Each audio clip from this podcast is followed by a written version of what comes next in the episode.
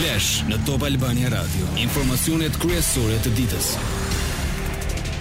Përshëndetje, këtu janë lajmet e orës 16.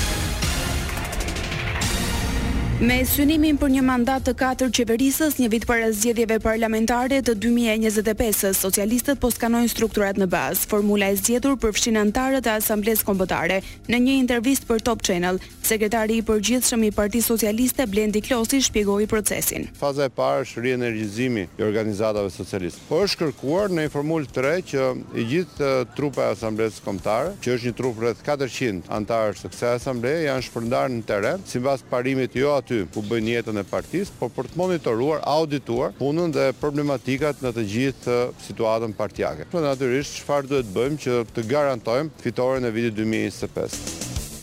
Në rienergjizimin e Partisë Socialiste nuk mungojnë emra të njohur të shkëputur nga politika aktive si Gramoz Ruçi e Namik Dokle. Partia Socialiste është parti e fortë sepse ka arritur gjatë gjithë jetës së saj të harmonizojë brezat edhe gjeneratat e asaj partie. Në atë Asamble Kombëtare ka shumë themelues, Të ditës së parë, kemi shpërndarë detyrat për gjithë anëtarët e Asamblesë Kombëtare, ku zoti Ruçi dhe zoti Dokle janë nga anëtarët më të nderuar të asaj Asambleje dhe padyshim janë njerëz që çdo detyrë partie e bëjnë me përgjegjshmëri shumë të lartë, mbase edhe më mirë se ne brezi, le të themi, i dytë apo i tretë i gjeneratës në Asamblenë Kombëtare.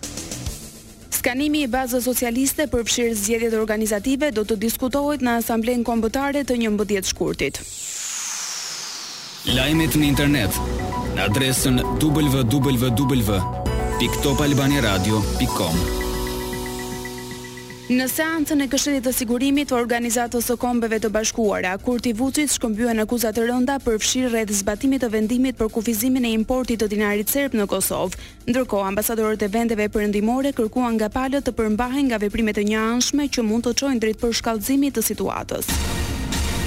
Presidenti serb, Aleksandër Vuçiç, i cili kërkon seancën e Këshillit të Sigurimit, akuzoi kryeministrin Albin Kurti se po pamundëson jetën e serbëve që jetojnë atje. Kurti i hodhi poshtë si të pavërteta akuzat e Vuçiçit, e tha se institucionet e Kosovës do të sigurojnë një tranzicion për serbët atje rreth përdorimit të dinarit. Debati Kurti Vuçiç në Këshillin e Sigurimit, kryeministri Rama e quan seancën të pakuptimtë, sipas tij Kosova dhe Serbia duhet të përqendrohen në dialogun e ndërmjetësuar nga Bashkimi Evropian. Ndër të tjera shefi i qeverisë thekson, ndërsa qëndrojmë pranë Kosovës në parandalimin e çdo kërcënimi të jashtëm, Shqipëria do të vazhdojë t'i theksojë lidershipit kosovar, rëndësinë e koordinimit të ngushtë me aleatët e saj kryesorë. Sipas kryeministrit Rama, qëndrimi i palëkundur dhe i vazhdueshëm së bashku me ta tregon ndjenjën e vizionit dhe përgjegjësisë shtetërore, ndërkohë që çdo rast i qëndrimit të vetëm në rrugën e njohjes së plotë e zbeh pozitën e vendit në sferën publike të marrëdhënieve ndërkombëtare. Banka Qendrore e Kosovës prezantoi një linjë telefonike pa pagesë për t'ju dhënë mundësi serbëve të informohen më hollësisht mbi rregulloren e saj për pagesat vetëm me euro, duke ndaluar përdorimin e dinarit, aty jepen informacione të detajuara e konkrete për pjesëtarë të komunitetit serb. Vendimi vjen pas përplasjes së ashpër Kurti Vuçiç për çështjen e dinarit. Top Albania Radio. Grabitet një dyqan celularësh në Tiranë. Ngjarja ndodhi sot në rrugën Myslim Shyri. Policia bën të ditur se autori me maskë të zezë e xhup të kuq veproi nën kërcënimin e një sendi të dyshuar si armëzjarri pistoletë, duke marrë disa aparate celulare. Blutë e kryeqytetit ofrojnë pesë mijë euro shpërblim për këdo që jep informacion të vlefshëm me qëllim kapjen e tij si dhe garanton anonimatin e plotë të çdo qytetari. Qëlloi me armë ndaj një automjeti, Agjencia e Mbikëqyrjes Policore arrestoi një nënkomisar. Djali i tij, njëzet e katër vjeç, u shpall në kërkim lidhur me një ngjarje të ndodhur dje në lagjen numër dy të Kavajës, pas një konflikti për motive të dobëta qëlluan me armë ndaj një automjeti ku udhëtonte një njëzet e nëntë vjeçar, nuk pati të lënduar.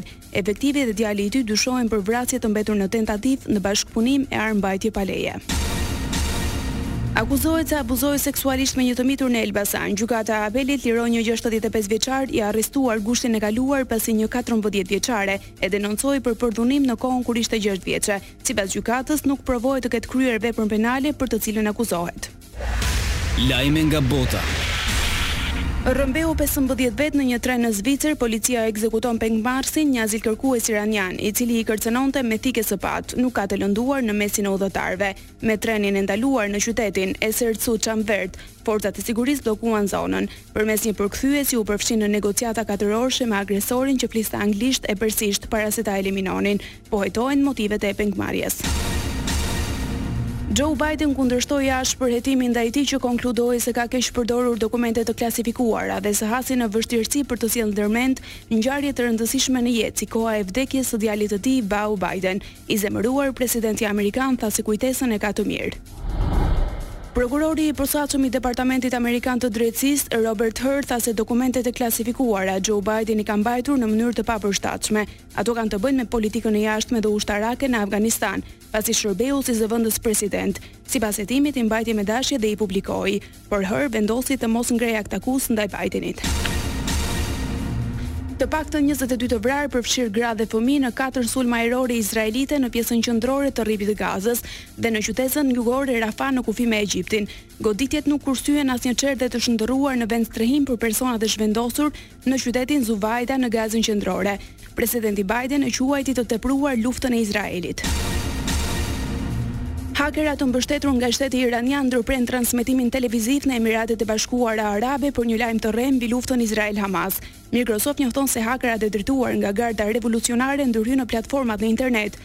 E në dhjetor transmetoi një edicion lajmesh të realizuar me inteligjencën artificiale. Parashikimi i motit. Për sot, vendi ynë do të vijojë të ndikohet nga kushte atmosferike relativisht të qëndrueshme. Temperaturat variojnë nga 2 deri në 21 gradë Celsius. Kjo ishte një përmbledhje e lajmeve kryesore deri në mesditë. Edicioni i radhës është në orën 17. Unë jam Armelda Methasani. Kjo është Top Albania Radio.